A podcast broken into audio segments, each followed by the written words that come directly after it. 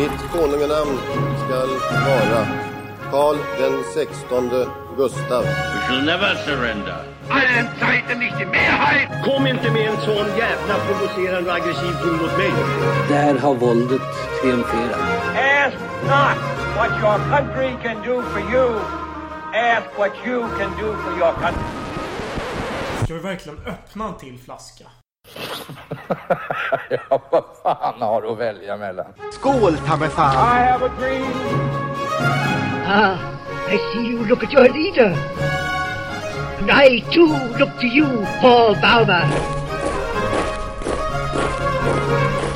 It's one small step for man, one giant leap for mankind. Men då så Alex, så är vi varmt välkomna till Salongsberusad historia avsnitt 59 om jag räknat rätt. Ja, det börjar bli svårt. Det är många avsnitt att hålla reda på. Absolut, och det är lite annorlunda idag. Vi sitter inte bredvid varandra som vi brukar, utan vi sitter på distans helt enkelt. Men eh, ja, har du värmt upp någonting? Druckit lite öl kanske? Nej, faktiskt inte. Bara kvällens vin egentligen. Nej, nej, nej. påbörjat. Du har druckit svensk öl antar jag? Eller vad var det? Jag har druckit Utländsk barndomsfavoriten, Baron Tränk. Har jag druckit tre flaskor. Var lite sugen på en fjärde, men jag tänkte jag måste gå på vinet. Ja, Då är du uppvärmd helt enkelt. Ja, precis. Men framför mig har jag en flaska franskt vin. Jag fick leverans igår kväll. Franskt känns väldigt poddkompatibelt. Eftersom vi alltid Det pratar har om ju Frankrike. blivit så. Ja, precis. Ja, det gör vi ju även idag faktiskt. Jag har också valt ett franskt vin. Jag har en Chateau La Cuspod, tror jag att det uttalas. En Saint-Emilion från 2012. Men ingen direkt koppling kanske till avsnittet. Det är lite kul. För vi ska prata om någonting väldigt Alix-aktigt denna dag. Eh, du brukar ofta leverera sådana här typer utav ämnen. Ja, precis. Vi börjar närma oss det stora ämnet Napoleon. Men det vill vi ju såklart inte gå alldeles för nära. För då skulle det kräva tio avsnitt, minst.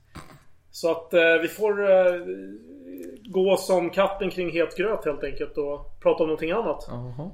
Ja, jag har en skröna här som säger ganska mycket och ganska lite om vår huvudperson som heter Schulmeister. Och jag tänker mig att det här utspelar sig runt 1806 då Napoleon precis har besegrat den tredje koalitionen i slaget vid Austerlitz. Och där Schulmeister själv har bidragit mycket till krigsinsatsen. Och Napoleon, han var väldigt familjär mot sina närmaste undersåtar och duvade dem gärna. Han hade ju till exempel en, en av sina fältmarskalkar eh, hade ju gift sig med hans eh, syster och eh, Jean-Baptiste Bernadottes fru Desideria hon var ju ett ex till Napoleon så det var familjär stämning kan man väl säga. Och eh, en dag då, då Schulmeister skulle tackas för sina insatser, då ska Napoleon ha sagt följande. Charles! Du är värd en armé. Vad önskar du dig? Jag kan inte neka dig något. Och då hade Schulmeister svarat. Hederslegionen, sir. Och då säger Napoleon. Pengar! Så mycket som du vill. Korset? Aldrig! Det reserverar jag åt mina tappra! Fast han kanske svarar lite mjukare då. För det här låter lite hårt. Lite heroisk tolkning. Ja. Lite överdrivet heroisk Absolut, absolut. Ja, jag jag är inte riktigt lika uppvärmd som du är. Vi fortsätter i alla fall. Eh, och huvudpersonen tycker jag är fascinerande. Jaha. Eller vad sägs om följande?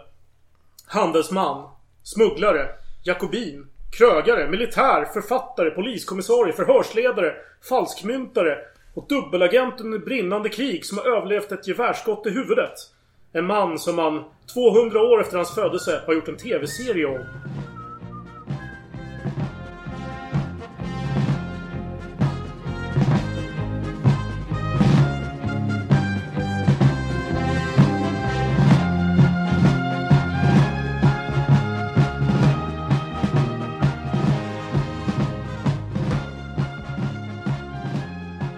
Får gå till botten med det här. Eh, du kanske kan ge en introduktion till denne Schulmeister, Adam? Ja, nej men ja, jag kan försöka. Nej men det är ju så klassiskt dig Alex när du väljer ämne. Det är alltid något fransk nationalromantisk karaktär här. Eh, gärna någon republikansk hjälte, fransk hjälte. Det är ju sällan du går över till någon eh, royalistisk karaktär, förutom Solkungen då, som kanske är det republikanska favoriten bland kungahuset. Om de nu har någon så är det ju Solkungen som är den franska symbolen då. Kanske Henrik den fjärde också, men annars är det mest, när du väljer, eh, lite republikanska franska nationalhjältar som eftervärlden ofta har glömt bort. Eh, vem minns Fonk? Vem minns Foch? Vem minns Schulmeister? Absolut, men om man ska vara lite petig här så är Schulmeister faktiskt född i Tyskland. Ja, så det, det är hårklyveri. räkna honom som tysk. Han, han eh, föddes på östra sidan om Ren. Så att, Jo men vad fan, det är Alsace för helvete. Det är ett område som har varit uppdelat mellan Tyskland och Frankrike vart om varannat i århundraden. Ja, ja. Vi har ju till exempel eh, under andra världskriget det finns exempel på barn när, som, eh, när kriget drog igång då, eh, i september 39 så blev man inkallad till franska armétjänst och så satt man där ett tag och så hade man någon yngre bror som kanske var 16-17 någonting, inte fick ta värvningen än. Och sen gick åren och Tyskland tog över området och då blev han inkallad till krig fast för tysk tjänst. Och till slut så blev det så att de stred mot varandra, de här två bröderna. Det är en situation som skedde i Alsace under andra världskriget och det var inte så ovanligt att det var så. Och det säger väl någonting om området. Absolut. Och Schulmeister hade ju släktingar på båda sidorna Mm. om Ren. För det här området, eh, alltså väster om Ren var ju franskt sedan 1600-talet. Men eh, det, den stora staden i området var ju Strasbourg då, som var på Ja. franska sidan. Så det var ju där han hängde mest. Men jag tänkte överlåta till Jo. dig kanske och, och dra just den här bakgrunden, den här tidiga åren. Absolut, jag vill bara inleda med att det, det är som sagt svårt att hitta källor som är på något civiliserat språk som engelska eller svenska om dina ämnen. Det mesta av materialet är ofta på franska eller tyska. Men jag hittade en person, Hamil Grant, som hade skrivit då om Schulmeister. Och eh, lite kul, för han skrev sin bok 1915 och eh, han inleder lite med att, eh, vad ska man säga, orera lite kring spioneri och dess bakgrund och fram och tillbaka. Och han nämner då att eh, kvinnor funkar absolut inte som spioner. Och det är lite intressant för då börjar man genast tänka, vänta, är inte han en britt? Och för 1915 britter, fan, de hade ju mycket kvinnliga spioner i tjänst. Jag tror det var runt 6000 kvinnor som var avlönade utav den brittiska eh, spionverksamheten under första världskriget. Så vet vet du någonting om Hamley Grant, om han är britt eller amerikan? Nej, tyvärr inte. Men jag tänker att det där kanske är uppgifter som har framkommit eh, först efteråt. Va? Han kanske var helt ovetande som alla dessa kvinnliga Ja, spioner. men vad fan. Vi har ju Bell Boyd till exempel, eh, spion under eh, inbördeskriget. Jag har Margit Harrison som var en journalist från Baltimore som var verksam under den här tiden till exempel. Mm. Tidigt 1900-tal, eh, under första världskriget. Och, och hon hade till och med som på sin intervju då, när man skulle skicka henne eh, till Europa. Då sa hon så här, för den allmänna åsikten i USA var då att kvinnliga spioner föll för sina objekt och blev kära, de var så känsliga. Ja, det är en klassisk eh, fördom där. Ja. Ja, och då sa hon det liksom så här, jag, jag, jag har passerat en, det stadiet i mitt liv liksom, jag blir inte förälskad i någon längre. Och då fick hon jobbet då. Och, det, och den här Hamil Grant då, för att eh, stärka sin tes om att kvinnor suger för spioneriverksamhet så började han sitta och dra om Goethe då som att han är ett han hade ett eh, fint omdöme om könen då och han, Goethe hävdade då att kvinnor var för kärleksfulla och känslodrivna jämfört med män som använde sina hjärnor. Så det, lite intressant. Så jag börjar misstänka att den här Henry Grant som har skrivit den här boken om eh, bland annat Schulmeister då, kanske är amerikan eller någon form av amerikan-britt. Mm, för det är oftast är ju britter som är väldigt intresserade av fransk historia på den här tiden, tänker jag, rent spontant. Vi har ju Liddell Hart. skrev Ja, absolut. Han skrev mycket. Eh, Och- Huxley skrev om eh, grå eminensen. Ja. Förutom sin dystopiska Du sköna nya värld. Men eh, jag vet inte. Jag vet Eh, inte. jag- Det, jag- det kan vara politiskt. Det kanske var... Just med kvinnor där med suffragetter och allt vad det kan vara. Det, det kanske var ett känsligt ämne. Jag vet inte. Jag tycker vi... Vi har så mycket att prata om så jag tycker vi hoppar in på Schulmeister här. Ja, nej men om vi ska prata om Schulmeister då, som ämnet handlar om, så var han enligt egen utsago var hans farfar en ungersk flykting av den adliga familjen Bjerski som bosatte sig i Baden runt eh, 1730-talet kanske. Och eh, farfar var då en skolmästare, vilket ja, medeltiden var väl den form av rektor. Men sen under 1600-talet så var det lite mer en lärare. Så jag vet inte riktigt vad han menar på den här tiden då. Men vi säger någon form av lärare. Och därefter tog han namnet Schulmeister. Mm. Det vill säga Får jag skolmästare. kommentera lite där? För jag har Ja. hört att han, eh, han hade tagit sig till byn Hanau Lichtenburg. Och där hade han blivit välkomnad av en skolmästare och blev någon slags assistent till honom. Och då började folk... lärjunge. Ja precis, då började folk kalla honom för Schulmeister och någon, ja, skolmästare. Även om han då var assistenten då. Och till slut så, eh, ja då var det ju, då blev det hans namn. det låter lite krystat där, det låter konstigt. Men varför inte? Ja, men det är historien berättad utav vår huvudkaraktär Karl då, som han Mm. kommer heta.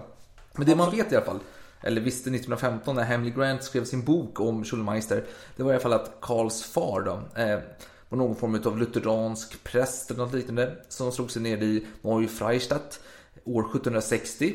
Tio år senare fick denna präst en son som han valde att döpa till Karl.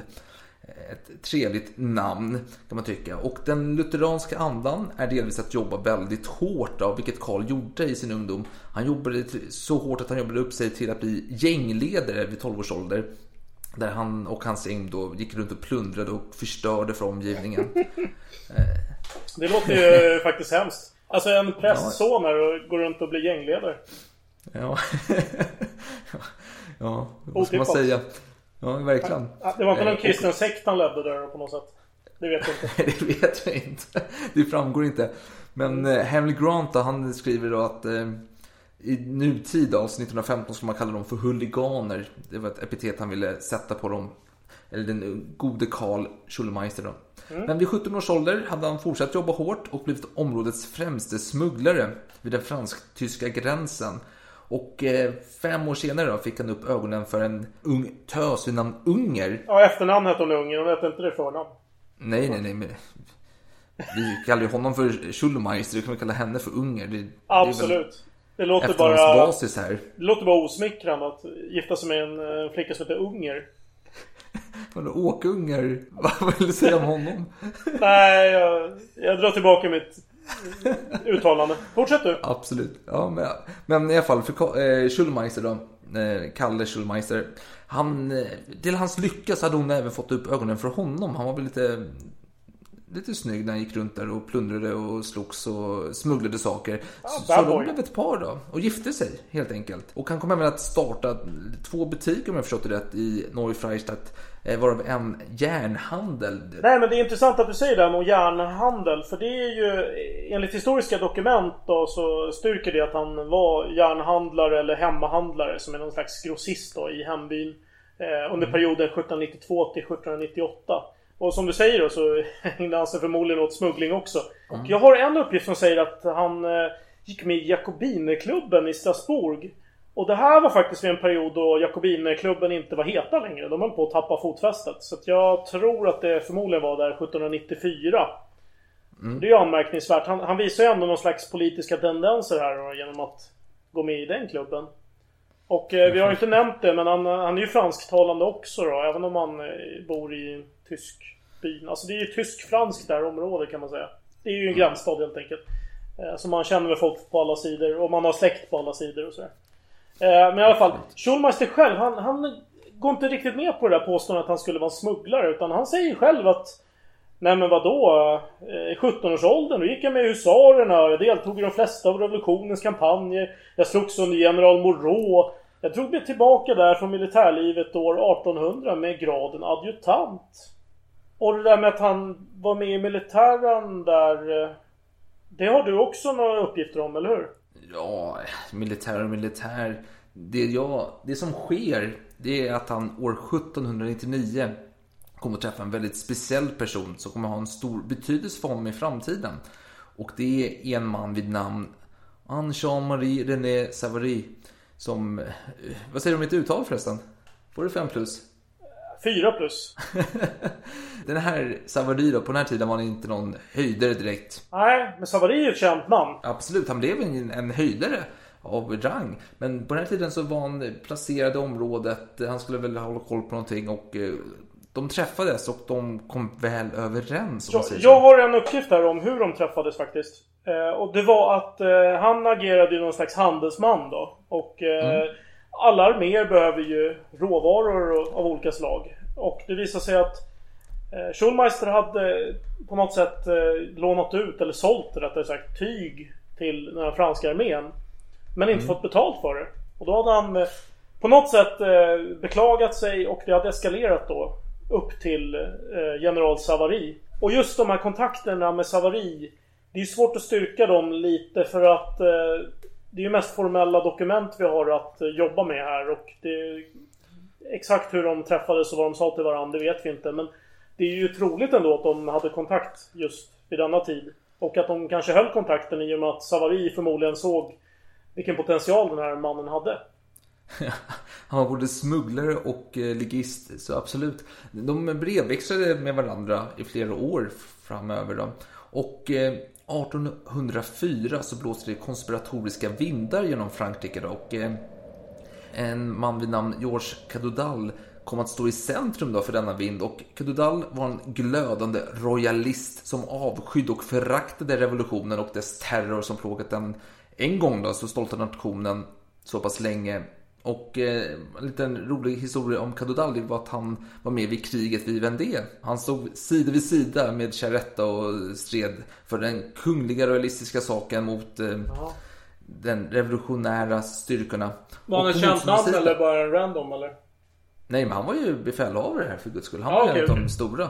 Och på motståndarsidan så fanns en annan stor person faktiskt. Eh, Lite en sidohistoria kanske, men Thomas Alexandre Dumas som var den Mm. första färgade personen i franska armén att bli general en chef då, vilket är i Sverige tror jag det motsvarar runt 1716 fältmarskalk. Lite osäker på, men det finns väl någon sån titel i Frankrike på den här tiden som är just fältmarskalk. Så det är inte riktigt den Nej, nivån. du, Dumas var ju ingen av Napoleons fältmarskalkar i alla fall. Det kan jag ju Nej. säga. Nej, nej, men han hade i alla fall fötts i Karibien, son till Marie Cézette Dumas och, och en fransk adelsman då. Och eh, han fick ju själv en son, den store Alexandre Dumas, som eh, skrev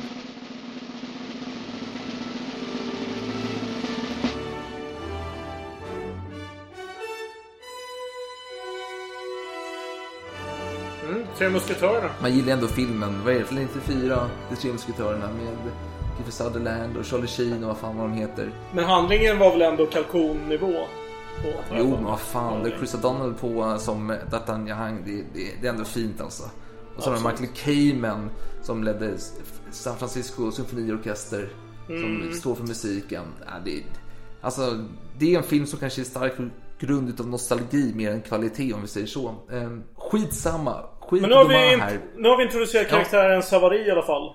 Eh, Precis, och han är men åter till Cadu... Vänta, viktig. tyst nu, Ja. tyst nu, tyst nu. Men åter till Cadudal då. För fram till 1800 hade han mer eller mindre en, fört en öppen kamp mot de revolutionära styrkorna. Men nu insåg han att han behövde byta taktik då, så den nya taktiken blev mer eller mindre att konspirera för att kidnappa eller avrätta Napoleon. Men detta misslyckades och han blev gripen och dömd till döden. Han vägrade att be om nåd utan fördes ut i giljotinen där han då skall, skall ha ropat. Och nu är det dags att visa invånarna i Paris hur kristna, royalister och bretonnier dör. Och så blev han av med huvudet. Och då kan man fråga sig lite lätt vad fan har detta med Schulmeister att göra? Ja, det kan man verkligen fråga sig. Ja, det kan man verkligen fråga sig. Och det har jag svaret på. För i denna konspiration att kidnappa eller mörda Napoleon så kopplades en kändis in i ryktena då. Ingen mindre än Louis Antoine Henri de Bourbon. En Condé-prins med släktband till Solkungen. Vars Absolut. pappa hade varit otrogen med en operasångerska.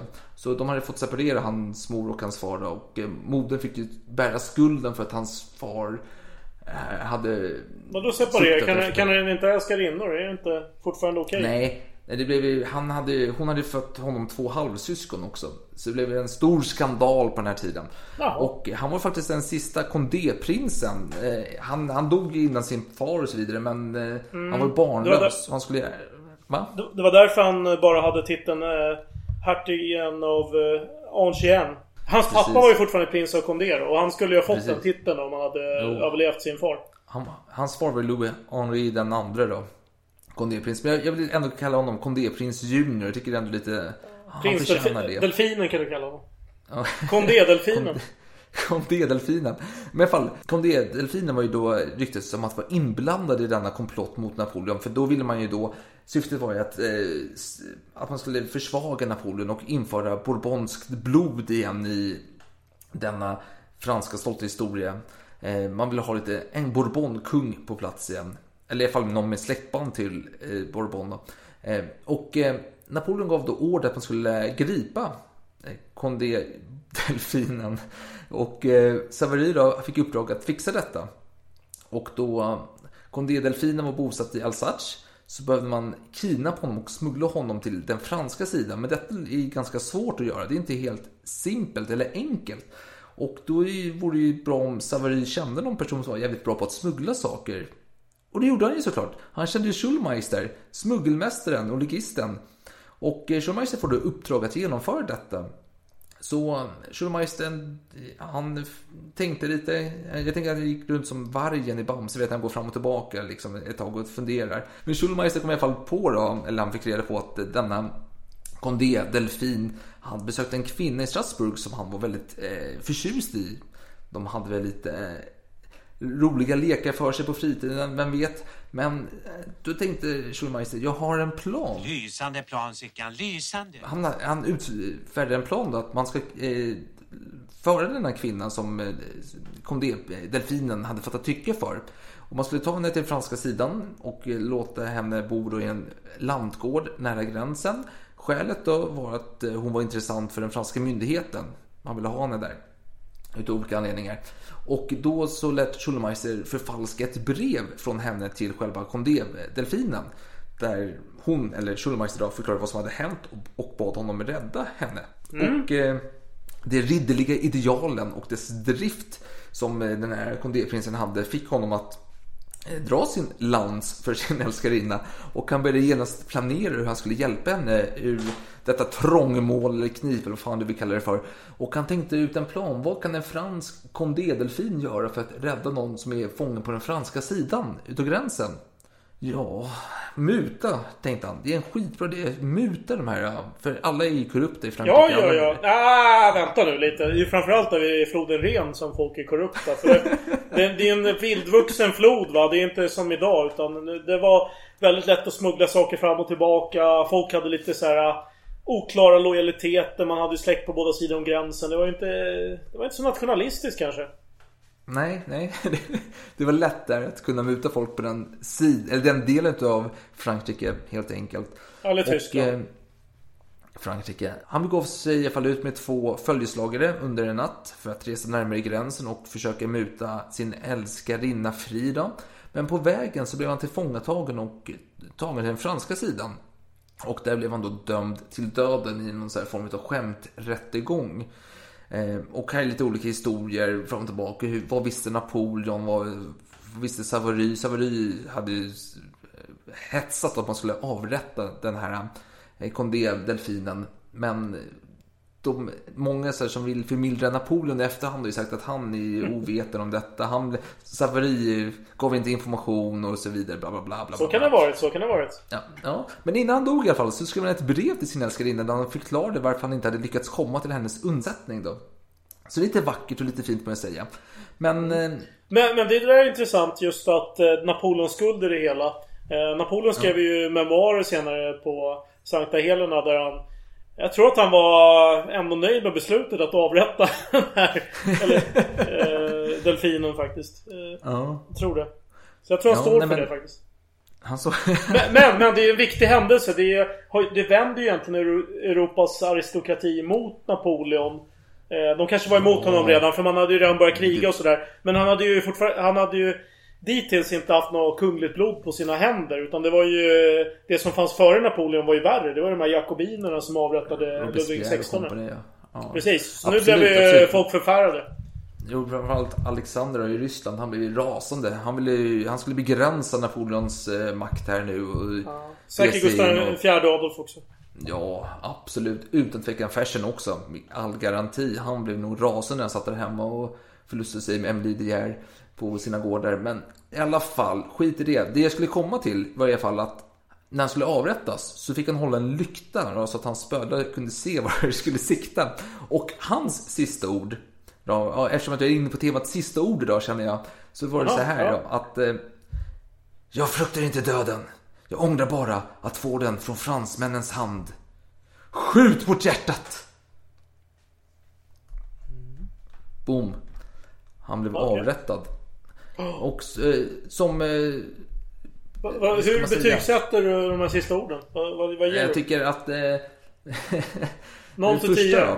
Jag tyckte att eh, Kadudal då, hans... Ja, var ändå lite, lite kaxigt. Kristna royalister, bretonnier. Hur, hur dör vi? Vi dör så här liksom. Lite, han vill inte, ha- han vill inte bli benådad. Han, han hånade ju franska... Var mer politiskt statement där då kanske. Ja, precis. Och den här är ändå, jag fruktar inte döden, jag ångrar bara att få den från fransman, fransmännens hand. Skjut Mm. sikte mot hjärtat. Den är ganska kraftfull tycker jag faktiskt. Det är ändå, det, det är ändå Condé-aktigt, må jag säga. Arrogant kanske lite. Eller? Nej, nej vadå Nej. arrogant? Det här är precis som, alltså du har ju Marie Antoinette som ber om ursäkt för att... Eh, För att hon trampade på sin- hans tå ja. Eller bödelns tå. Och eh, Ludvig 16 var också hjältemodig inför döden. Fersen var ju också hjältemodig inför sin död. Gustav tredje var hjältemodig. Det är något royalistiskt eh, arv här. Ja, ja. Nu, nu, tänker jag inte på modet här. Nu tänker jag på orden. Vad är det de eh, Jo men säger? modet och orden hör ju ihop. Ja, ja. Han sitter, han sitter inte och gråter och blir de... eh, Nej, kanske nej, sig, det vet ju inte. Han kanske grät jättemycket. Det ska inte lägga någon värdering i om han grät eller inte. Nej, han kanske, nej, absolut, han kanske störtgrät, han kanske gjorde italienska tårar, fan vet jag. Men det blev en eh, femma i betyg alltså. Ja, 4,5 skulle jag säga. Mm. Det, det är ändå lite, jag tycker den kraftfullaste delen är ändå jag ångrar bara att få den från fransmännens hand. Den tycker jag är, den, den, den är fin. Poetisk. Mm. poetisk. Men, du kan säga att eh, Condé-prinsen, eller Condé-delfinen rättare sagt, han var ju oskyldig. Han var inte alls delaktig i de här konspirationerna. Nej, det är sant. Och för sig hade han ju sig krigat med Condé-armén. För då sägs det. Han hade ju krigat med Condé-armén mot de franska revolutionära styrkorna tidigare. Men han var inte skyldig i detta Nej, precis. För, för eh, anklagelsen var just en konspiration mot det ny, rådande styret. Mm. Och det var att han hade rest in till Frankrike och eh, konspirerat med olika människor. Men han hade ju bara träffat någon gammal eh, senil gubbe där. Inte alls haft några sådana här planer. Och han blev ju då en... Ja, han fick inga barn då, så han var ju sist i linjen då utav Mm. Condéer. Och som plåster på såren, eller tack för hjälpen rättare sagt kanske. Han fick in Schulmeister, han skulle bli, bli belönad för detta. Så Savary då, han gav honom Ja, det här är Hamil Grants siffror då. 6000 pund för besväret. Vad 6000 pund innebär om det var baserat på 1915 års värld eller ja, ingen aning. Vad... Jag eh, har också kastat in handduken när det gäller det där för att eh, vilken valuta som gäller och dess värde idag det, ah, det, det är inte- inte Ja. tillräckligt intressant för att vara värt vidare efterforskning jag tycker. Eh, Det är därför jag har Mm. utelämnat eh, alla summor egentligen i dagens avsnitt. Precis, men det var mycket pengar i alla fall han fick för besväret, så kan vi säga. Och han blev en stjärna för när Savary då, han steg ju på den politiska stjärnhimlen tack vare detta. Eller innan detta också såklart, men detta fick honom att lysa strålande klart här. Och Schulmeister fick ju också, tack vare Savary, ta del ut ur den politiska scenen. Fast han var lite mer som en grå, nej inte grå men ens vore det överord. Men han var mer i bakgrunden. Han, Ja. han var bakom kulisserna och drog i gardinerna.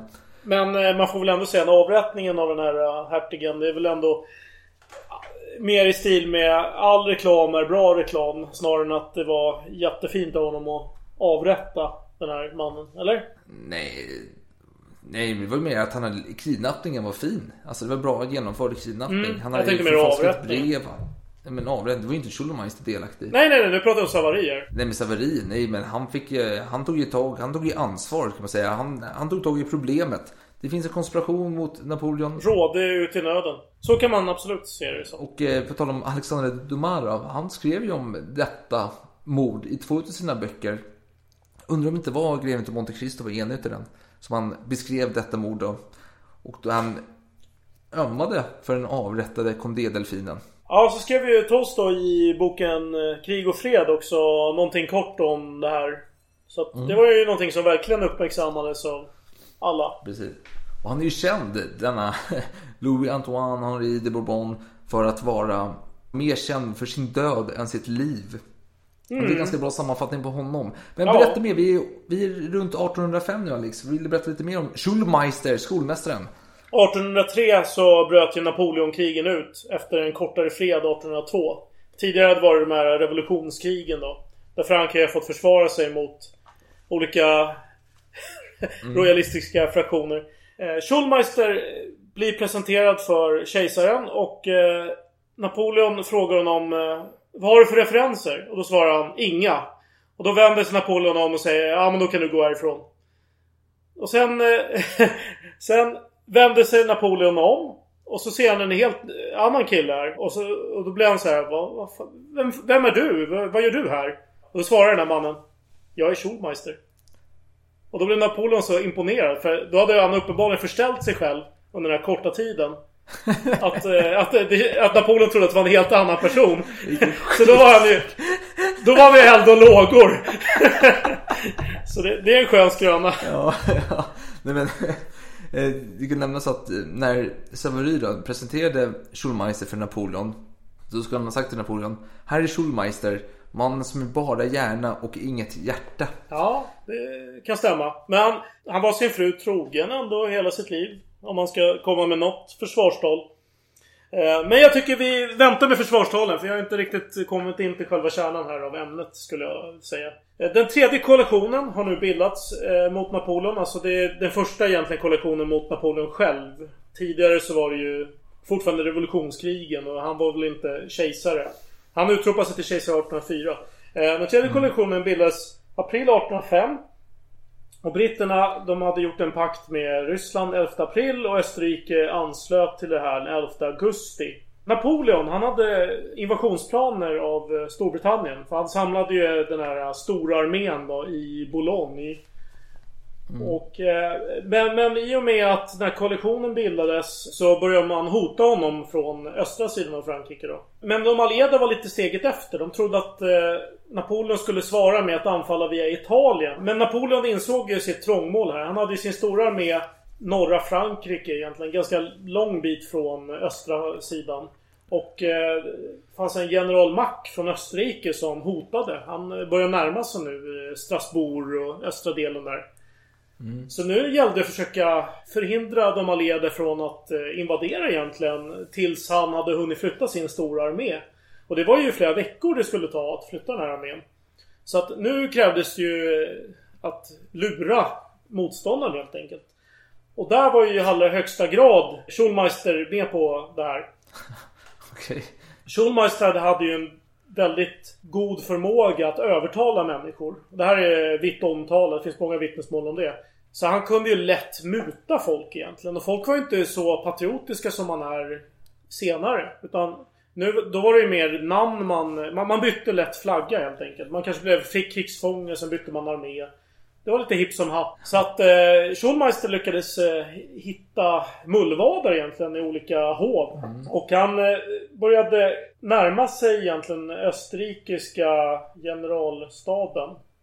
Och eh, informerade Mack om att Napoleon är på väg här. Han är på väg och kommer västerifrån. Och då börjar Mack tänka Ja men den här Schulmeister är alltså pålitlig. Jag får hör ju helt andra uppgifter här från mina betrodda soldater. Till exempel den här kapten Wend eller vad nu heter. Han säger ju att eh, att Napoleon är på väg att retirera här. Att eh, nu har eh, britterna invaderat norrifrån. De har tydligen eh, kommit med någon slags invasioner. Och, och eh, att det är någon kontrarevolution på gång i Paris. Ja men då måste jag ju förfölja dem helt enkelt. De är ju svaga här, fransmännen. Men han blir villrådig. Han får ju motstridiga uppgifter. Både från Schulmeister och de här andra killarna. Så vad, vad ska han göra egentligen? Ja, om man ska förstå lite vad det är som händer så är det så att Schulmeister har full koll på att Mack eh, är villrådig och han... Den här vänd som eh, Mack pratar om. Det är, det är någon som eh, Schulmeister själv har köpt. Så att det är han som sprider uppgifterna både till höger och vänster. Så det han lyckas med här Det är att få Mack att inte göra ett enda skit. Han bara står på sin plats egentligen. Och det är precis det som Napoleon vill åt. För han, Napoleon kommer lyckas omringa hela Macks armé egentligen i Ulm. Och eh, få över 30 000 krigsfångar där. Utan, eh, alltså med mindre strider egentligen. Och eh, Mack blir ju kallad den olyckliga general Mack. Och han blir... man målar ju bild, porträtt, eller vet du, tavlor av honom. Där han kapitulerar och han blir ju senare åtalad också. Men det är alltså Schulmeister som ligger bakom där och det här är hans absolut största triumf. Okej. Häftigt. Men det måste vara ganska tungt ändå tänker jag. Att som mac and cheese här blir ett, eh, ett hån för eftervärlden. Alltså det ingen tittar på tavlor av hans framgångar utan det är bara Nej. nederlaget som reproduceras. Ja men så är det Han är en av historiens stora förlorare får man säga. Bra titel ändå.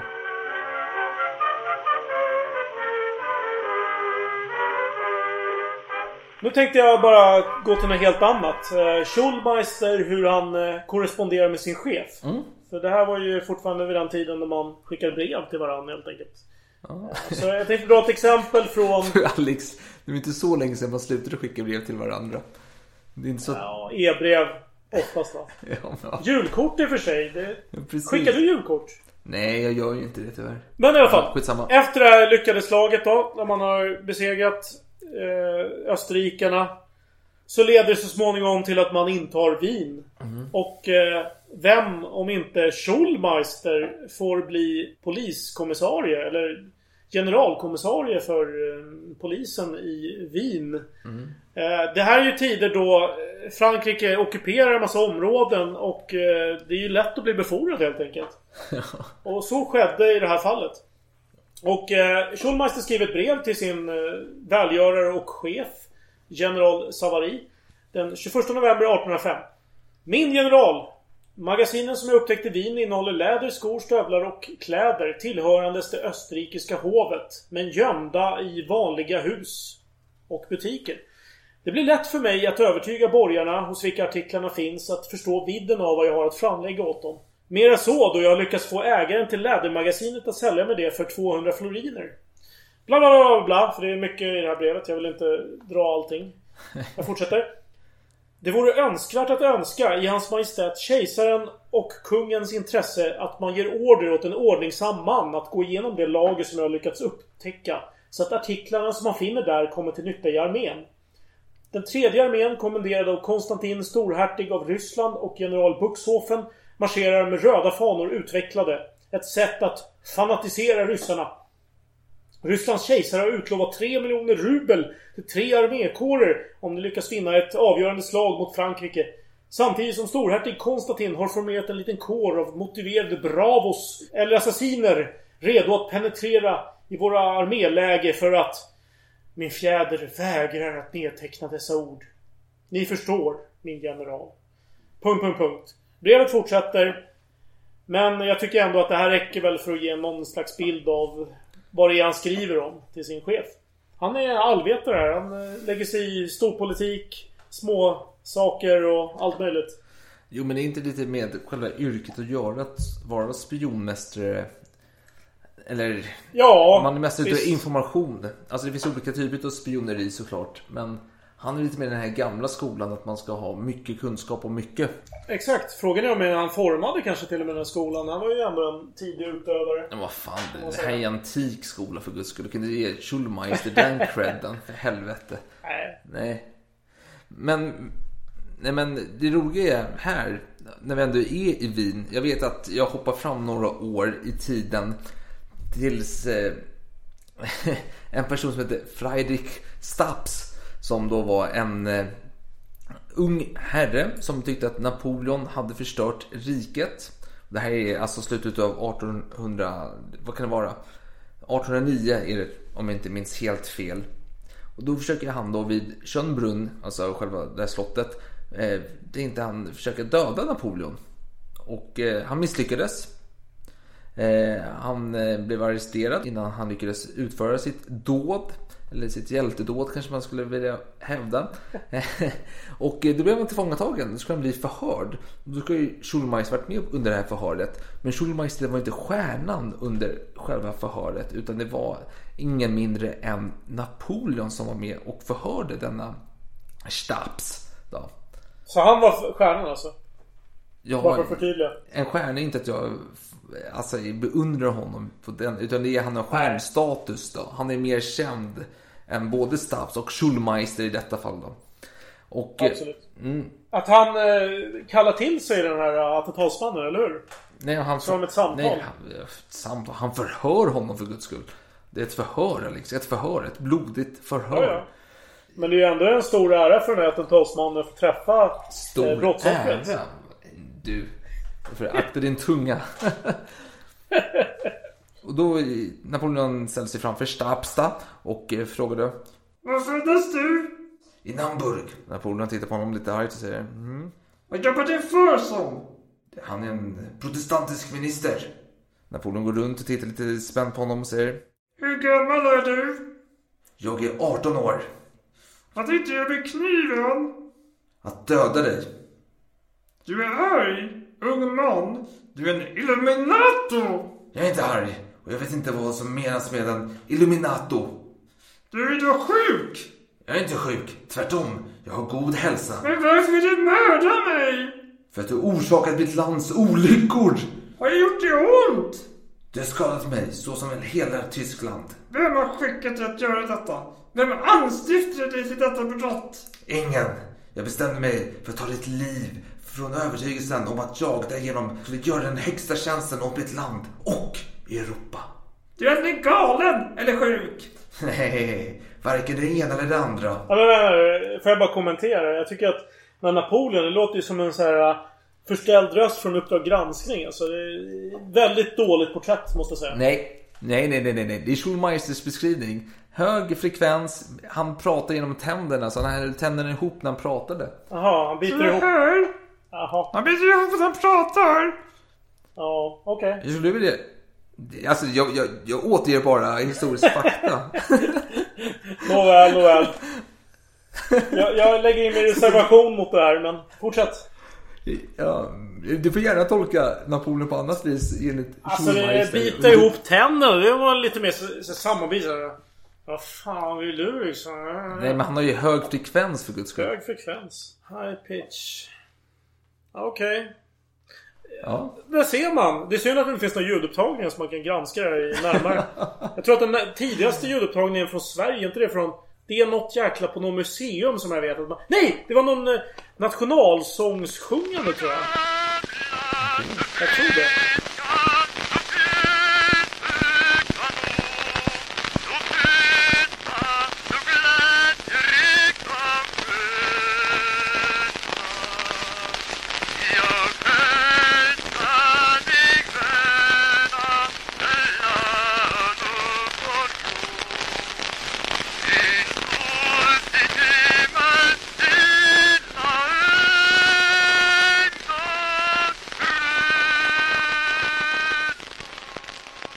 Fall, Napoleon fick inte grepp om den här Stabs, Freirich Stabs. Så han eh, lät en läkare undersöka honom och se om han verkligen var vid sitt sinnesfulla bruk då.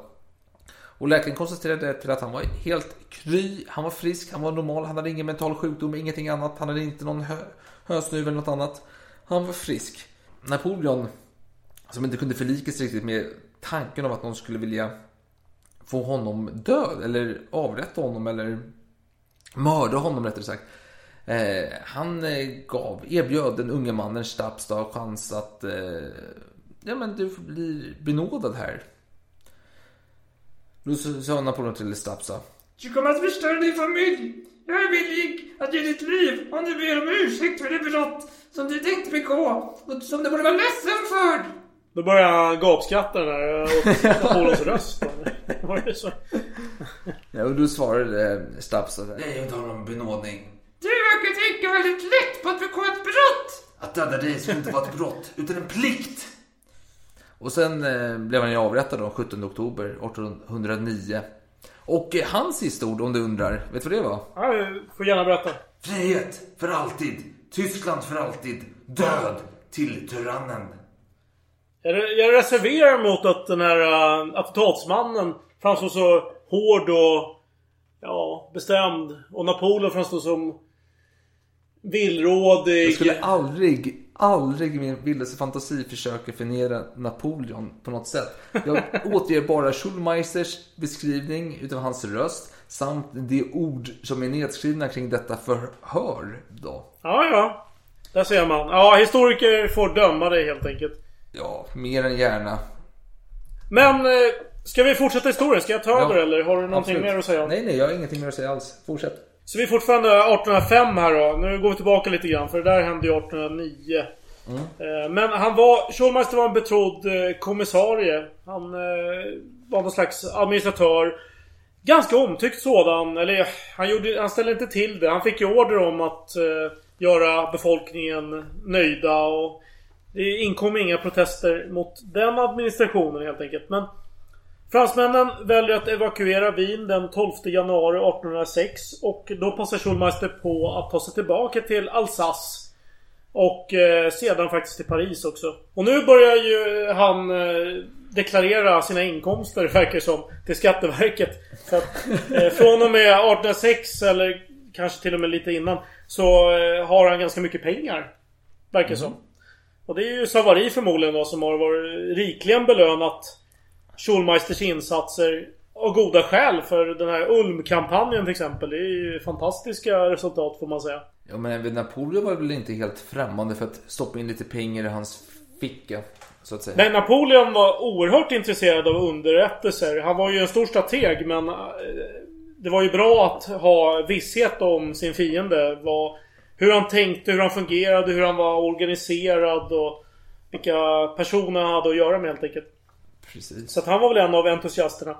Eh, Och vid den här tiden, 1806, då funderade Napoleon på att erbjuda britterna att eh, kanske få tillbaka Hannover. För möjligen så skulle det kunna eh, ge lite hopp om fred där. För att eh, Hannover tror jag blev ockuperat 1803 eller liknande. Och det var ju sedan tidigare gammalt brittiskt eh, eh, Alltså han hade ju samma kung som Storbritannien. Så jag vet inte om det ska klassas som samma land. Men det var ju delad monark. Precis som Sverige hade delad monark med Norge där under många år.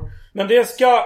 Just de här ryktena om att han eh, funderade på att kanske ge tillbaka Hannover tillbaka till britterna. Det väckte tydligen ilska hos preussarna av någon anledning.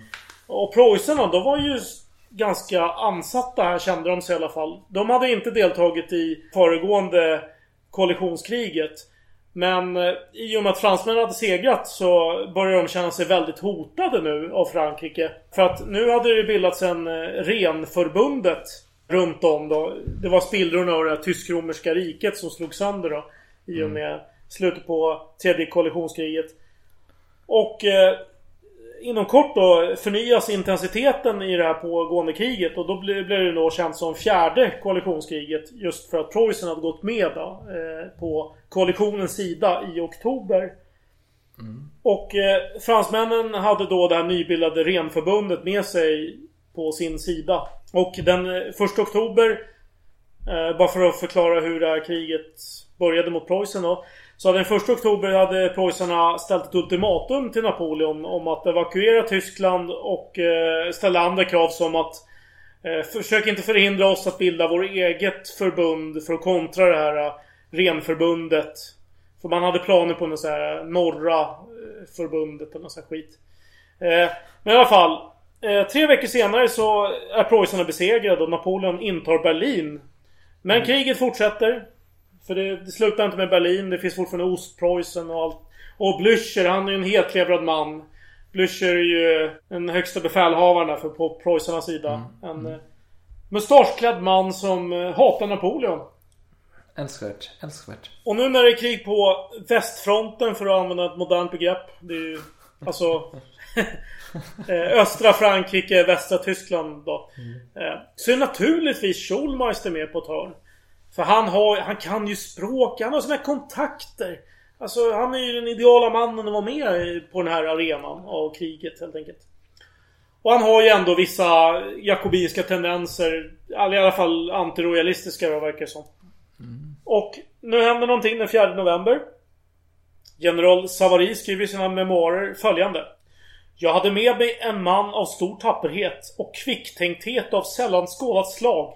Han tog ett detachement av 40 man med sig och med en extravagansisk hänsynslöshet så kastade han sig mot Wismar. Samlade den Mecklenburgska garnisonen och fick dem att stänga stadsportarna med dem kvar innanför. När sedan förtrupperna för general Usedom Usedom eh, tillhör då eh, preussarna.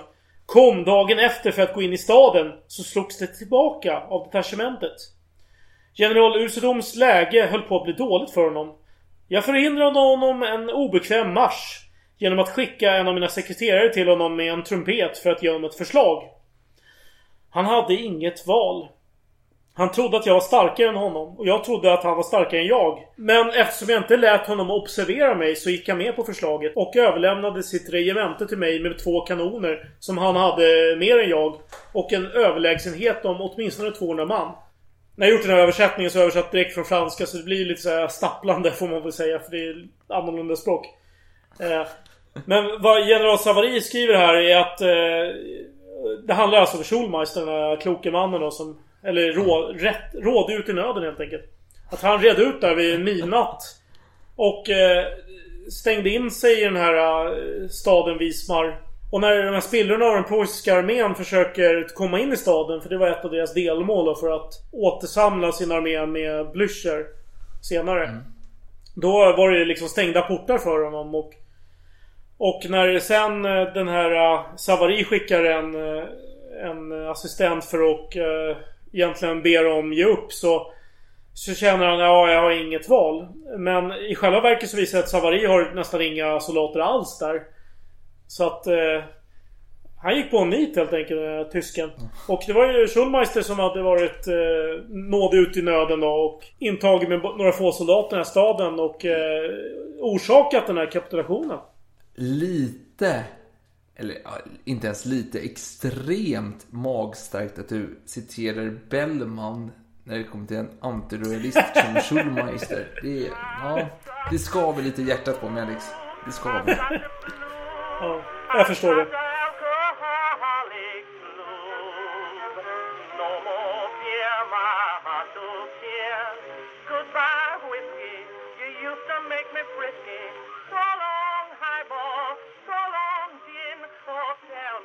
Jag tänkte att jag hoppar lite grann för det händer såklart väldigt mycket. Showmaster är ju aktiv under den här tiden men det är inga höjdpunkter sådär. Nej. Men jag vill ändå ta upp lite saker som är småroliga. 1809 så kände sig Schulmeister kränkt. Som tysk! Hör och häpna. Oj. För då har det skett ett slag vid Regensburg och då är det tusentals österrikiska soldater som tas som krigsfångar. Och de marscherar med hängande nackar eller vad det heter. eh, och han får syn på dem. Eh, han är själv där i egenskap av eh, chefen och gendarmeri på något sätt. Alltså någon slags polis igen då. Han berättar själv följande. Fördömda hundar! Sa jag till dem. Sårad i min halvtyska själ.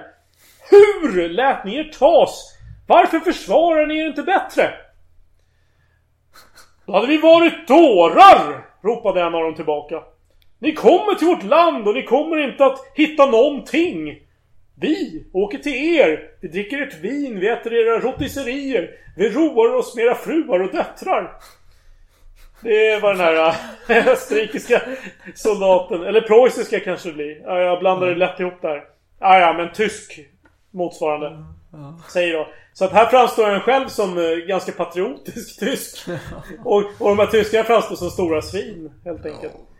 Så att det här kan ju vara en efterhandskonstruktion. För att han skrev ju som sagt sin självbiografi eller vad man ska kalla det. Eh, 1817 då när, när franska kejsardömet har gått åt skogen och man söker syndabockar och, och så vidare. Precis. Man får ta det med en nypa salt. Men vid den här tiden så hamnar han återigen i strid. Eh, för att... Alltså han var ju i strid där uppenbarligen när han intog den här garnisonen. Men det här var no någonting mindre och han eh, gjorde någon slags skärmytsling vid någon bro vid Landshut. Som mm. är söder om Regensburg. Men det placerar honom i tid i alla fall till det här uh, citatet då. Han kallar dem för dömda hundar och så vidare. Han gjorde någonting. Så att det, det var lite vagt där med att vara politiskt tillsatt som kommissarie, att vara militär. Det var inte så noga kanske. Han kunde vara... Han fick ibland uh, militära befäl. Men han var ju han var inte någon som kanske högg med svärdet liksom. Han var ju mer en uh, kloka befälhavaren kanske. Han var räven. Precis. Mm. Nu har jag ett annat citat där. Mm. Från en Gassikor. Osäker på uttalet om det heter Jassikor kanske. Men eh, den här mannen var i alla fall en Napoleons apotekare. Oj. Som mötte Schulmeister i slutet av den här kampanjen år 1809. Och han skriver följande i sina memoarer från denna kampanj. Det är ganska långt citat så du får eh, helt enkelt sitta still i båten. Ja, utan tvekan. Man skriver, man skriver mig i morse. Med en, va? Nej! Jag, läser, jag är full. Jag, jag har svårt att läsa. jag, jag, jag ska bara fylla på mitt glas. Fy fan. Gör så, gör så. Ja, jag har väl lite förfriskning. Oj, redan slut på flaskan. Hur går det för dig förresten? Jo, jag är, jag är snart slut. Jag har en liten slutt kvar. Ja, ja men då är, då är vi i synk här. Det är otroligt. Precis. Alright, jag börjar. Yes. Man hittade mig i morse med den franska kommissarien med uppdrag att leda polisen i Wien. Det är i och för sig konstigt. Var han eh, på kommissarie igen i Wien 1809? Mm. Ja, ja. Vi, vi bortser från det. Det är en strasburgare. Kallas Charles Sulmester. En man av sällan skådad djärvhet. Av en otrolig kvicktänkthet. Och med en prodigiös finess. Jag var nyfiken på denna man som han hade tillskrivit tusentals överraskande dåd. I de första kampanjerna i Tyskland så var han kejsarens spion och har gjort honom sådana goda tjänster att han har tjänat 40 000 fra i ränta. För fyra år sedan, med uppdraget att överlämna ett brev från våran minister till en viktig person i österrikiska armén, så besökte han fienden utklädd till tysk juvelerare med utmärkta pass och medhavande en imponerande mängd diamanter och ädelstenar. Men han blev förrådd, avslöjad, arresterad och muddrad. Man hittade hans brev i ett dubbelbotten i en låda med guld. Man hittade honom och man var dåraktig nog att säga det högt framför honom. Åtalad och dömd till döden så lämnades han över till soldater för avrättningen. Men eh, klockan var så mycket att man sköt på avrättningen till morgonen på. Schulmeister upptäckte att en av väktarna var fransk desertör och började prata med honom. Så jag, här börjar jag tänka på eh, När lammen tystnar. Liksom, eh, den här fantastiska psykologen och mördaren då. Som försöker liksom manipulera sina fångväktare. Tänker du något liknande? Nej, inte alls. men- Okej, då fortsätter vi. Jag uppskattar du tänker så. Jag uppskattar. Absolut. Han lyckas muta vakten att hämta vin och sen dricker de tillsammans här, fångväktarna och han. Han har väl på något sätt fått dem att tycka synd om honom att han ska avrättas kanske. Vad vet jag? Han hade ju tydligen med sig opium också, konstigt nog. Jag vet inte hur han gömde, sig, gömde det. Han lyckades gömma det, eller han lyckades inte gömma brevet, men han lyckades gömma opium. Så han spetsar i alla fall eh, vinet med opium. Och så däckar de här fångväktarna. Utom då den här fransmannen. För då, då var han i maskopi med honom tydligen. Han hade mutat honom på något sätt. Så, så när de hade däckat, då klär han ut, eller han klär sig i en av de här däckade väktarnas kläder. Och så flyr han tillsammans med den här fransmannen. Och, men innan han flyr från staden lyckas han förvarna mottagaren av det här brevet om innehållet och vad som hade hänt om honom. Eh, och vad som hade hänt honom. Så han var ju eh, verkligen... Eh, han utförde ju uppdraget också. Han var ju inte så att han var räddhågsen så här. Oj, nu måste jag bara rädda mitt liv här. Jag blev avslöjad. Utan han, han utförde ju uppdraget. Och eh, det här är mina kommentarer. Det är inte det som står i brevet. Eh, det är det där sista där. Eh, men nu kommer eh, Gassi Kors eh, kommentarer. Denna historia förefaller mig som en roman. Men den har attesterats av 20 högre officerare som erkänner att de aldrig har träffat på en bättre förhandlare. Han ingjuter i vinarna en sådan skräck att han anses värd en hel armékår. Han har livliga ögon, en penetrerande blick, ett allvarligt och resolut ansiktsuttryck, häftiga rörelser och en ljudlig och fast röst. Hans storlek är ja, medel, men han är ganska robust och av ett hetlevrat temperament.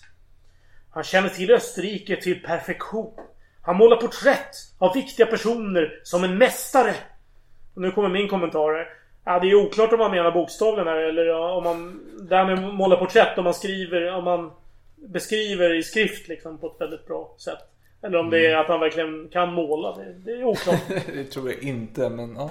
Ja, jag fortsätter här från Gassikors eh, citat här. Han ägde i Strasbourg flera fabriker. Han förnekar inte att han in, innan han blev militärobservatör så var han chef för smugglingen i Alsace. Smuggling och polisen, berättar han, liknar varandra mycket. Han bär i pannan djupa ärr som bevisar att han inte backat i trängda situationer. Denna man, som till så mycket liknar Charles de Schiller, är också generös. Vem fan är Charles de Schillers? Jag vet inte, jag har inte kollat upp det. Charles Schiller. Heter det någon i uh, Solsidan Schiller? Jo, det är Fredrik, Fredrik Schiller. ja, just det. Precis. Ja, nej jag, jag, vet faktiskt inte vem det är. Det är kanske är en uh, historisk karaktär. Det, det, får, det. det får vi kolla upp. Ja, skit i det. Jag fortsätter. Han uppfostrar hos sig två unga föräldralösa som han har adopterat. Jag har talat med honom om Anakorotes. Det här är min kommentar. Någon slags teater eller opera. Någon, för, någon, någon form av skådespel. Jag fortsätter citatet. Och tacka honom för att han gav oss nöjet att se detta spektakel. Jag har överträffat honom, säger han. Genom att jag såg till att lämna tillbaka konfiskerade böcker till sina rättmätiga ägare. Jag översatte och tryckte filosofiska verk av Voltaire, Diderot, Helvetius, de Holbach. Allt går att sälja numera på tyska och franska. Det är viktigt att sanningen... Bla bla bla bla. Eh, det fortsätter det här brevet så det är inte så intressant. Så där fick man ju en inblick i hur Schulmeister var som person. Mm. Eh, och i och med det här eh, femte koalitionskriget 1809 så drar sig Schulmeister tillbaka till Alsace och sitt slott igen. För nu börjar kriget eh, föras på ställen där han inte är lika användbar helt enkelt. Han håller sig där på tyska sidan. Men vänta, slott? Du, du, vi måste prata om slott. Vadå det ska slott? vi absolut göra. Precis, 1809 där. Då köper han ett slott. Eh, Chateau de Piple. Som är byggt 1725 och som har tidigare ägts av eh, någon fältmarskalk de Sax från ja, sjuåriga kriget eller något sånt där. Tror jag. Det är någon gång på 1700-talet fanns någon fransk fältmarskalk. Som har ett tyskklingande namn. Ja. Hade du någonting att tillägga där om Nej, inte alls, inte alls. Jag, vill bara, jag tycker bara det var så jävla snabbt. Ett slott som är... Alltså vi pratar ju ändå om en jävla simpel smugglare och gängledare. Ja! Absolut. Jag nämnde tidigare att han började deklarera 1806 att han började bli rik. Mm. Så han börjar ju även investera i dels ett eh, bygge av en någon slags mansion i Strasbourg. Eh, som jag kommer in på senare tror jag. Heter, kallar han det.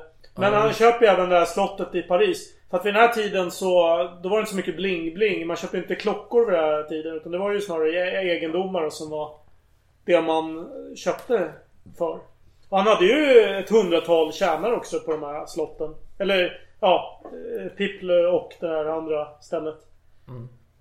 Eh, det finns inte jättemycket mer att säga om det. Hade du något? Nej, nej. Jag har absolut ingenting. Jag vill bara få dig att introducera. För det, är, ja. det, det, är bara, det, är, det är ändå att han har tjänat så pass mycket pengar så han har råd att köpa sig slott i Frankrike. Han var ju, med nutida mått mätt så var han ju absolut miljonär. Jag vet mm. inte om han var miljardär, det, det vågar jag inte säga. Men han var, miljonär var han absolut. Yes. Och han började dra sig tillbaka nu då. Eh, och, eh, men krigen fortsätter såklart. Det går inte lika bra för Napoleon. Eh, ja, 1811-1812 där så går det åt skogen. Med den ryska kampanjen och så slaget vid Leipzig. Så då hamnar han ju på Elba och eh, kommer så småningom tillbaka. År 1814 så finns det en sjätte koalition mot fransmännen. Och eh, de hade ju vunnit slaget vid Leipzig året innan. Där bland annat Jean-Baptiste Bernadotte var delaktig. Mm, mm. Och nu skulle ju hämnd utkrävas. För nu hade ju de allierade äntligen vunnit över Napoleon. Och Schulmeister, han var ju ett känt namn. Föraktat namn. Eh, så man plundrade ju hans två slott. Eh, där vid Pipple och eh, vid eh, Meinau hette det, men det var vid Strasbourg. Men så i, i juli 1814 då spreds det ett rykte om att en konspiration hade formerats för att återupprätta kejsardömet. Och då pekar man ut Schulmeister som skyldig till detta. Så börjar man kalla honom förrädare i tyska tidningar. Och då eh, började Schulmeister känna att... Eh, ja, nu, nu kände han hettan härifrån alla möjliga håll. Så han gömde sig. Vänta nu Alex. Eh, då... Det kan vara för att Ja. jag är lite för berusad just nu. Min vinflaska har precis tagit slut. Jag har lite kvar i glaset. Men du menar väl nu att Napoleon har avsatts och att Ludvig den 18, alltså Ludvig den 16 bror, har intagit tronen igen i Frankrike? Ja, precis. Det är precis det jag säger. Säger. Men bra, bra. Då, då är jag med på noterna. Fortsätt, Så, fortsätt. så att fortsätt. eh, den här konspirationen är för att avsätta kungen då. För att återigen återinsätta Mm. Napoleon helt enkelt. Och, då, och då är Schulmeister med i... Ja, han är dirigenten i det hela. Det är ju ryktena som säger det då. Så att Han han... är eh, Levy här. Ja. Han stampar med hela staven. Ja, precis. Men nu, nu vet vi inte riktigt om sanningen här. För att det är... Schulmeister, eftersom han är en spionmästare så... Han vill ju inte att eftervärlden... Eller han vill inte efterlämna dokument som komprometterar honom. Så att det är det som har gjort det väldigt svårt att eh, kunna dokumentera vad exakt vad han har gjort. Det är nackdelen med att vara mästerspion. Eh, jag vet bara att eh, den här eh, författaren Henry Grant då, eller Grant eller vad fan han heter. Han skrev ju det att eh, det är svårt att veta vad Schulmeister gjorde mellan år 1805 till 14 jämfört med andra historiska aktörer. Just dels för att han då såg till att det inte fanns så mycket historiska dokument kvarlämnade efter honom då. Mm. Så då, då får man ju titta på andra aspekter som hur mycket pengar han hade. Det säger, det säger ganska mycket. Men som jag sa då så eh, började han bli misstänkt där och han gömde sig. Men då fängslar man hans bror istället. Eh, Pastor precis som Som deras far. För de var ju, han var ju också någon slags pastor. Lutheransk Eh, präst på något sätt. Ja. Ja. Och men man släppte den här bron till slut efter att ha konstaterat att han har inte haft något umgänge med Karl eller Kalle på flera år.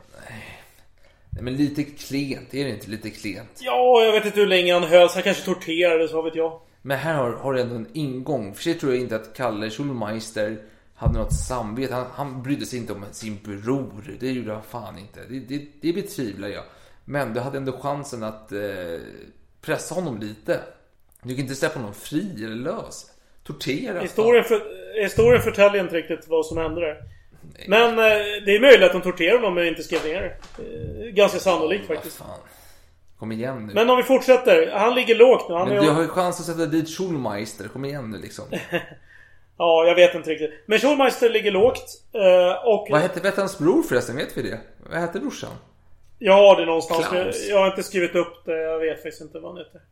Kan det vara Klaus? Klaus Schulmeister. Det låter ändå lämpligt. Jag skulle kunna kolla upp det men... eh, jag- Friedrich. Inget av dem eh, klingar riktigt i mitt huvud men eh, kanske. Vi får, vi får leka med tanken att han kan heta Klaus. Varför inte? Klaus. Det låter... Det känns väl ändå fint? Klaus. Klaus Barbie. Sa- Klaus Santa Schulmeister. Klaus. Ja, men jag tänker, jag tänker mer på Barbie. Men, Ja, jaha, nej men det är ju mindre högtidligt eller, eller fridfullt eller alltså, nu, nu är vi i juletid här. Då ska man tänka jultomten.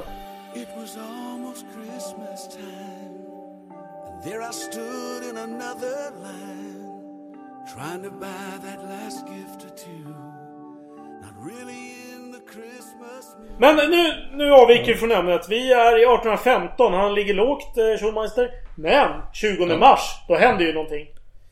Du är Napoleon. Han börjar ju eh, bli otålig här. Nu har ju han faktiskt kommit tillbaka. Han vågar visa sig igen. De hundra dagarna har påbörjats.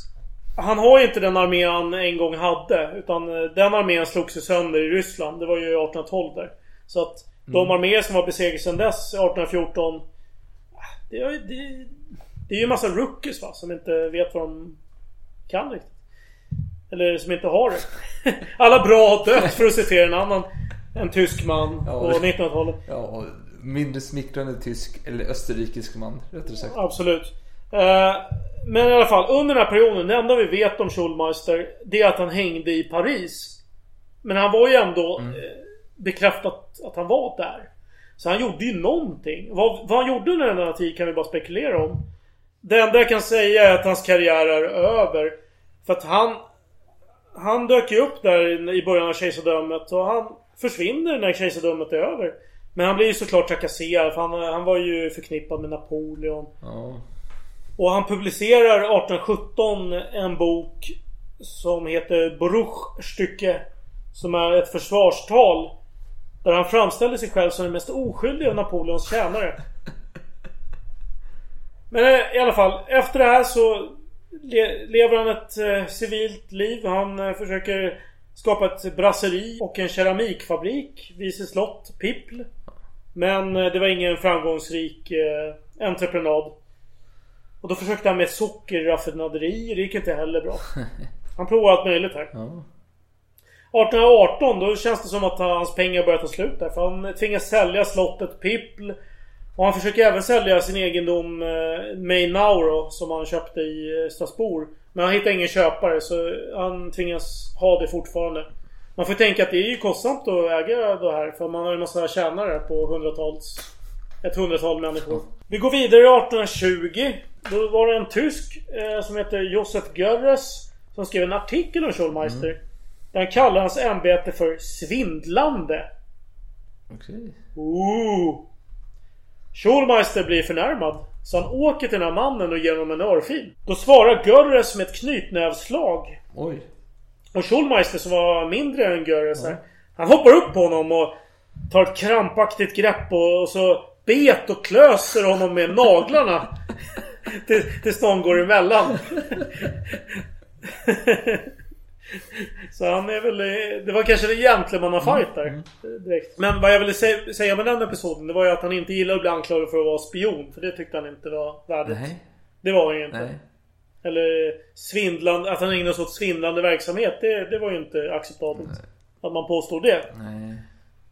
Men i alla fall. Åren går. Eh, 1836 då blev han eh, av med det här slottet.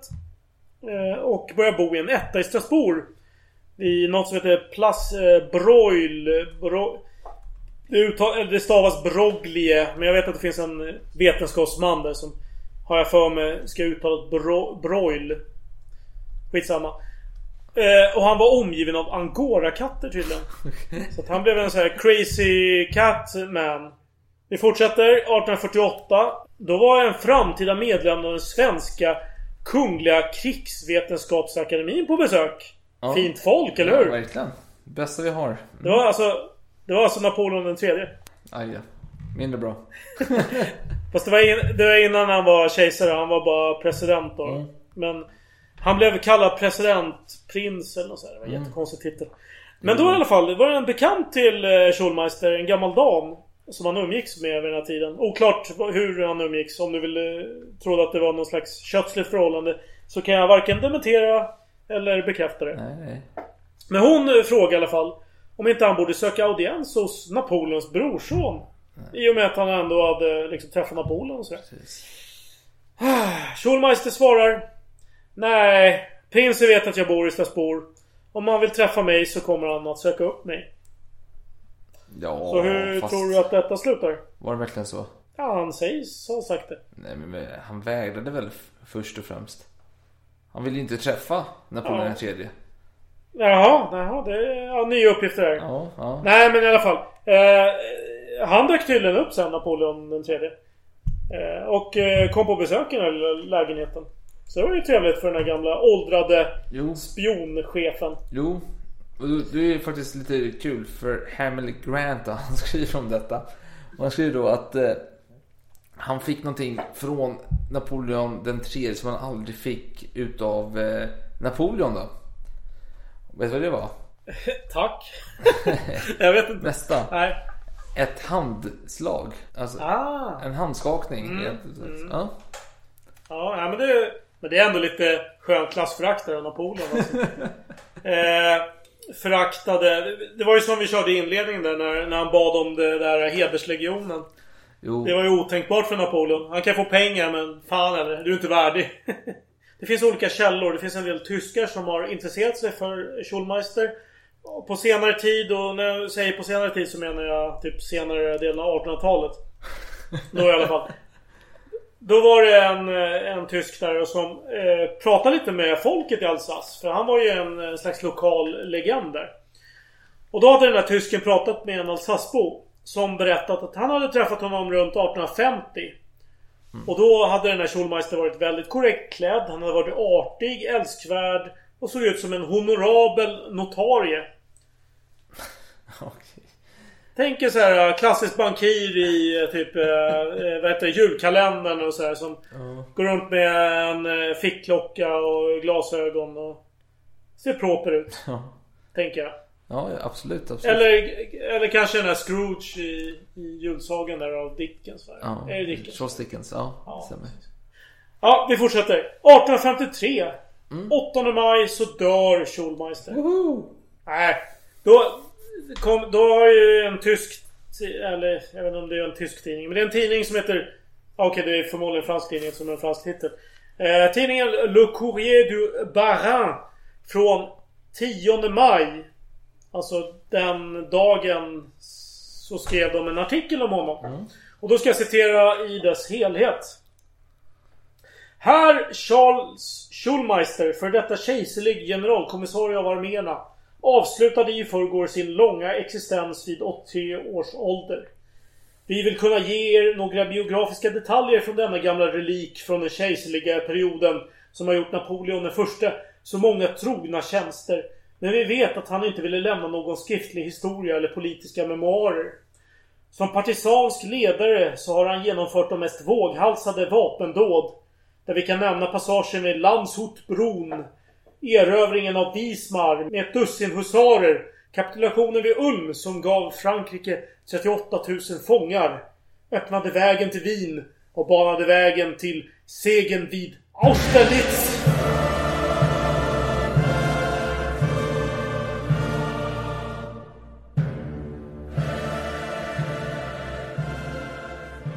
Så är tack vare hans våghalsighet och skräcken den ingöt i den olycklige general Mack som man kan attribuera denna kapitulation. Skadad flera gånger i närheten av kejsaren så blev han vid Fridland träffad i huvudet av en muskötkula som man sedan dess bar ett stolt, nobelt ärr i mitten av ansiktet. Flera efterföljande generationer av våra landsmän har kunnat göra honom rättvisan att han varit användbar och tjänstvillig i framgångarna och värdig och reserverad i motgångarna.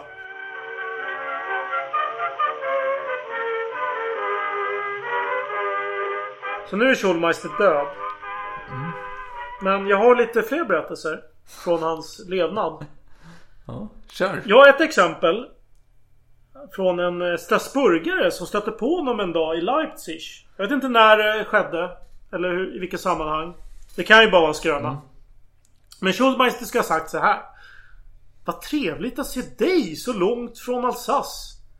Vi får umgås tillsammans idag. Det skulle glädja mig om du ville luncha med mig klockan 12 eh, på Roi de Pologne. Som jag antar är ett hotell. Han, han fortsätter. Han gav instruktioner. Fråga efter herr Mayer. För jag är skriven under detta namn. Och då gjorde den här Strasburgaren som han sa. Han kom dit klockan 12. Och så berättade han för personalen då att han ville eh, ja, träffa den här Mr. Mayer. Och då berättar personalen att Mr. Mayer lämnade klockan 11. Är inte det, är inte det, är inte det en skön diss? Han har ju liksom, han har avslöjat, han, allting är ju korrekt men han, han gjorde ju väldigt tydligt för den här mannen att han inte ville träffa honom. Det kan faktiskt vara en av de mer framstående dissarna i, i historien. Det var uttänkt, eller hur? Ja, det var ju verkligen en sån här brutal diss på något sätt. Verkligen, verkligen. Ja. Sen Sen har vi en annan anekdot. Det var, det var en herr eh, de Neyrema Som berättade att han hade köpt en stor byrå i april 1870. Och det här var ju långt efter att eh, Schulmeister har dött då. Eh, men han hade köpt den här byrån i alla fall. Som hade tillhört Schulmeister. Och då upptäckte han att den här, den här byrån hade någon slags vev. Så när man vevde den då kunde man se att det dök upp en massa lönnfack till höger och vänster. Så det var ju... Det var ju ändå... Det, det är ju schysst så här. Det bygger ju på hans karaktär som... Som är spion. Ja, lite något sätt. James Bond, Q-vibbar. Ja, precis. Sen har han en till berättelse om... Eh, och då är egentligen den här Diefenbach, tror jag att han heter. En tysk eh, författare eller historiker och som har skrivit mycket om Schulmeister. Som är en fan av Schulmeister får man säga. Trots att han är tysk. Fast vänta trots Eh. att han är tysk. Är han Ja, för det är Schulmeister... Nej, det, ja, det är bra fråga. Jag vet faktiskt inte det. Det vet jag inte.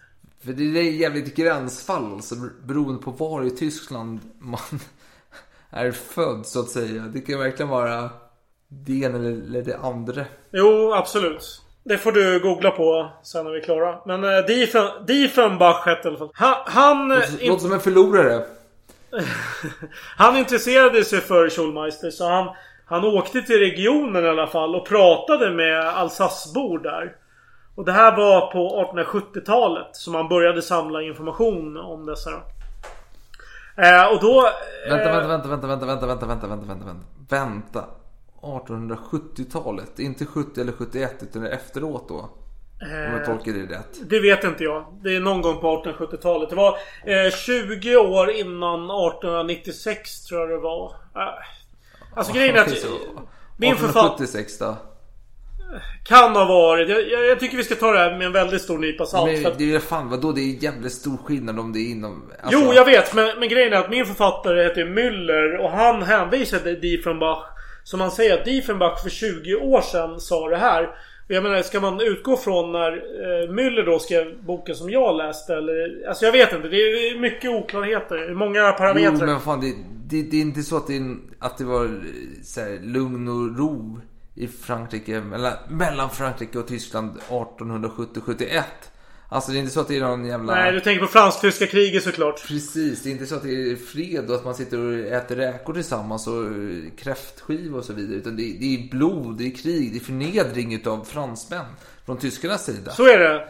Ja men det är bra att du pekar på det faktiskt. För det är en eh, viktig omständighet. Det är en viktig att- del av mänsklighetens historia. När fransmännen Ja, förnedras. Nej, jag fortsätter min eh, berättelse här. Men Eh, vänta, vänta, vänta, vänta, den här-. Den här defatisten, vad han nu hette. Eh, du tänker på Petain? Nej, han du pratar om. Nej. Han som intervjuade folk i eh, Alsace. Jaha, du menar, du menar Diefenbach? Nej, vadå defaitism? Ja, men vad fan, det är en allvarlig anklagelse. Defatism, Diefenbach, det är samma skit. Eh, han åkte till Alsace, vi utgår från att han inte bodde i Alsace, eller var från Alsace då. Om vi får Ah. lite fördomsfulla. Det får vi anta att han inte Det gjorde. kan ju är vara en sån historia till någon som är född i Borlänge, flyttar till Stockholm, blir journalist och sen åker tillbaka till Borlänge för att göra reportage Ja. om Borlänge. Så kan det, Det är absolut vara. det är. Men vi utgår från att det Det är är en stockholmare som åker till Borlänge för att göra reportage om borlängare. Det tycker jag vi kan utgå från. Så han är en tysk som intresserar sig av mycket Schulmeister.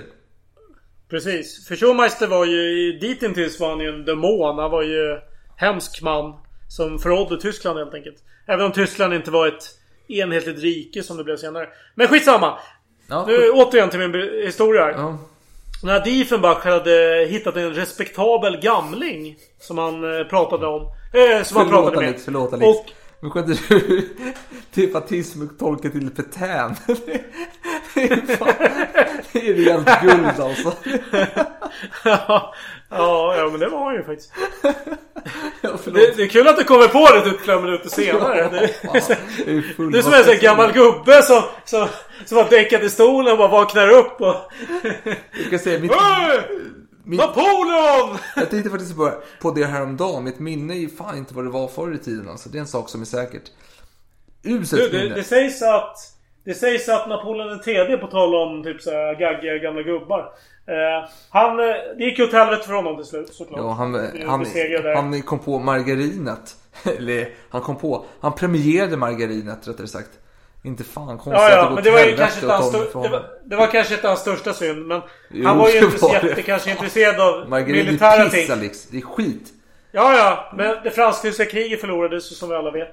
Fast Eh, margarinet var en större förlust för mänskligheten än fransk-tyska kriget. Ja... Vi har fortfarande inte, inte återupphämtat oss från margarinfiaskot. Nej, fast margarin har ju väldigt låg status idag får man väl säga. Det är väl ingen som förespråkar det. Alltså jag säger så här.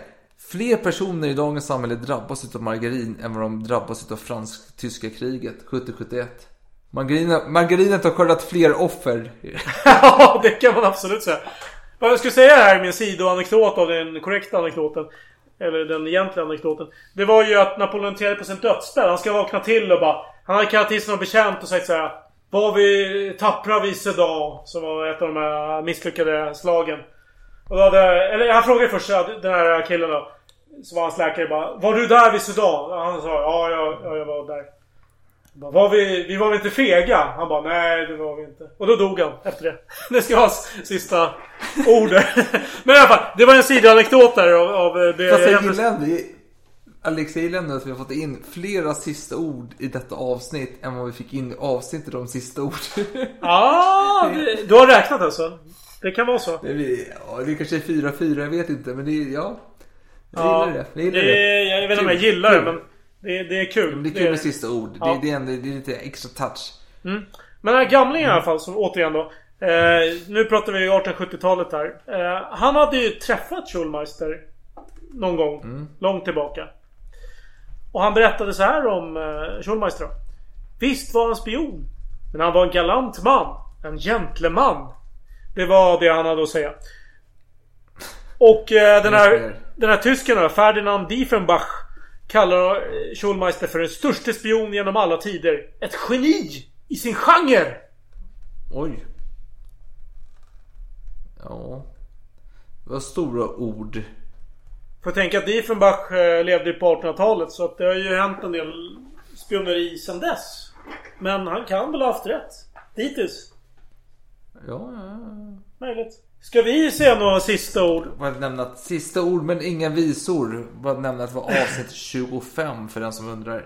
Ja, det är bra att du har koll på det. Superbra. Yes. Jag tänkte, jag vet inte, jag har ingen sån naturlig avslutning på det hela. Så jag tänkte dra ett eh, historiskt skämt. Om det passar. Ja, varför inte? Så det är lite apropå ingenting här, men det handlar lite om den brittisk-franska rivaliteten. Då var det så att en brittisk sjöofficer och den franska, ska man kalla honom piraten? Ja, det kan vi väl göra. Robert Surcouf hade någon slags eh, samtal. Och då hade den här eh, brittiska sjöofficeren sagt Ni fransmän, ni slåss för pengar medan vi britter slåss för hedern! Och då hade Surcouf svarat Ja, eh, Sir. En man slåss för det som han saknar mest. Det var faktiskt genuint rolig och bra. Det är inte ofta fransmän gör någonting som är genuint och roligt och bra. Lex Margarinet som verkligen var roligt, genuint eller bra. Men absolut, där fick de till det. Ja, De goda ska- fransmännen. Om vi ska ta ett onaturligt avslut då. Ska, ska vi summera karriären här för Schulmeister? Nej, Han är ju en doldis. Nej men du, Nej. nu får jag summera det här istället då. Okej, ja, ja. Summera du. Jag, jag avvaktar. Han är en doldis av naturliga skäl. Hans yrke handlar om att gömma sig. Men hans pengar syntes. Han hade gjort stordåd. Vem skulle ge honom, ge honom en massa pengar om han inte hade lyckats eh, vara väldigt framstående? Jo, jo. Och han, eh, han var ju där på rätt plats vid rätt tillfälle. För Napoleon hade just efterfrågat en sån person. Han var ju just eh, på väg att inleda sin kampanj där mot tyskarna. Och, och han var ju mångfacetterad Napoleon. Han, han var en stor strateg men han ville ju ha information. Han ville ju veta vad, hur tyskarna tänkte, vilka de var. Eh, Han ville veta allt om tyskarna. Och Schulmeister, vänta nu, han vänta visste nu, vänta, mycket. vänta nu, vänta nu, vänta nu, vänta nu. Nu hyllar du Napoleon och inte Schulmeister. Schulmeister var väl ändå en klassisk spion som var mest utav kunskap. Man kommer säga han var den mer traditionella spionen jämfört med den mer moderna spionen som, om vi ska ta en populär kulturell referens. Eh, vad fan heter den där skit, eh, förlåt. Vad heter den där kastraten i Game of Thrones? Eh, Enuckan. Ja, um, Varys. Ja, så kanske han heter. Jag är inte så jävla insatt i Game of Thrones. Jag vet bara att han är en nuck som vet allting om allt Ja, och alla. Ja, om, vi ska, om vi ska dra en jämförelse mellan eh, Schulmeister och Varys, alltså Lord Varys, den här flintskalliga spionmästaren. Enucken. Precis, Enuk också. Eh, nu var ju Schulmeister gift och lyckligt gift med en fru, visserligen. Och han var ju av lite hetare temperament än eh, Varys. Varys är väldigt lugn, måste man säga. Varys har ju ganska mycket patos, får man säga. Och det har ju Schulmeister också. Så där har vi ju någonting eh, gemensamt. Vänta nu, vänta nu. Påstår du att Schulmeister har patos? Ja, han... han Vad eh, bevisar hans patos? Han adopterar föräldralösa barn. Jo men han älskar ser- småbarn men om han är Michael Jackson eller en Fritzl det framgår inte. Eller om det är samma person det vet vi inte heller för den delen. Men, Eh, alltså det, det säger inte så mycket att han sitter och ger små klubbor till små ungar. Alltså vad fan har det med patos att göra? Han kidnappar ju och förnedrar lilla eh, Condé-delfinen utan problem. Han smugglar, misshandlar folk, plundrar Ja, fantastiska invånare utan problem. Som 12-åring, som 17-åring. Ja okej, han, kanske var en, han kanske var en huligan som ungdom. Det, det kan stämma. Men det här med att han skulle ha trakasserat hertigen av eh, Angien. Det vet jag inte riktigt var det kommer ifrån. Men sen- han kidnappade ju honom för helvete, får honom avrättad. Vad fan är Han det? gjorde sitt jobb. Han hade ju en chef som gav honom massa order. Men i alla fall, han anordnade en Men vad fan, storslagna patos skulle varit typ såhär, jag vägrar göra detta. Han är oskyldig, jag vägrar. Fast, Det han, vore fast det visste han ju inte. Han hade ju säkert hört eh, goda råd från någon. Men om han var en spionmästare som eh, en mästare utav kunskap så skulle han ju kunna veta att lilla Condé, eh, delfinen, inte var skyldig. Man kanske arresterade delfinen men ingen makt över delfinens öde. Eller hur? Så kan det vara. Fan, han hade ingen jävla patos. Jag hittar på, det förskönar. Han anordnar stora fester. Jag tänker, eh, vad heter det? The Great Gatsby liksom. Han Så här, Nej, men, trevlig. han, han var en Alexander den sjätte, en Borgias påve. Han gjorde lite sköna fester. Man hade massa obskyra orger med sina familjemedlemmar. Jag vet inte riktigt om det är någonting att skryta med. Jag vet inte riktigt. Det där var grova anklagelser. Det vet jag inte om du finner stöd för i litteraturen. Nej, men nej, nej. Men i alla fall, Men- han men- hade ingen patos. Ja, du hade ju massa gamlingar där i Alsace som tyckte han var en gammal gentleman och trevlig, trevlig karl helt enkelt. Jo, men att han kunde skaka hand med folk och hälsa. Det är ju inte jävla eh, patos. Eh, vad kan man mer säga för positivt om denne man? Men kan det vara så att han var en pedofil? Vad tror du? Nej, absolut inte. Det tror jag inte på. Absolut inte. Nej, vad skulle han vara det? Nej. Jag vet inte. Jag vet bara att han älskar Han var- barn. Jag vet inte Nej, han var, ju, han var ju lite småradikal där i och för sig. Han var ju medlem av Jakobinerna. Men då, det tänker jag ändå... Det, det, och, då är man, och då är man pedofil, eller hur? Nej, jag tänker att då kanske han... Nej, jag, jag, jag tänker i andra spår här. Jag tänker att han av eh, ideologiska skäl eh, vet du, knöts till Napoleon. Han var inte kanske i första hand Men- eh, den som bara tog nu, pengar vänta till vänta högstbjudande. Du, du undviker den väsentliga frågan. Varför hans stora intresse utav barn? Vadå stora intresse? Han hade ju bara adopterat två barn. Det var väl inget konstigt? Nej men då, han älskar ju barn. Vadå? Vad har du för eh, historia om det? Men han var ju en stor barnvän. Han har du för- älskade barn. Var har du kommit, fått det ifrån? ja men vadå? Att han har adopterat två barn, det är enda fakta jag har om det. Har du någonting annat? Ja, jag har massa annat. Vänta här. Nej, det är massa grova anklagelser här. Helt... Uh, o... Vad heter det? Stödda? Om vi säger så här, om vi tar Hamil eh, Grants. Han skriver ju om att eh, han var känd för sin generositet. Och att han älskade små barn. Det där får vi ta med en nypa salt. Det får vi göra.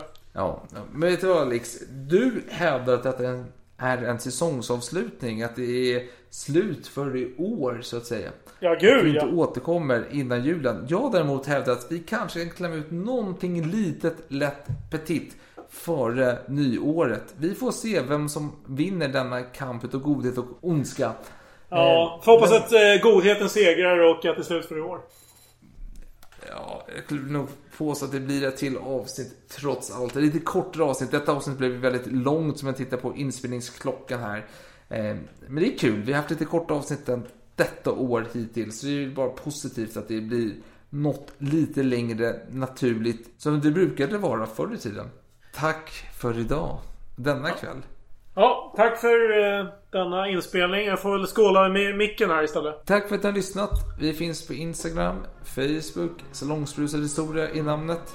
Vi ses. Och åter... Eller återseende. ses. Vi Förhoppningsvis- hörs 2021. Förhoppningsvis 2020. Sista dagarna innan det nya året. Vi får se vem som vinner denna kamp. På återseende. Skål ta mig fan. Skål ta mig fan. Hej då.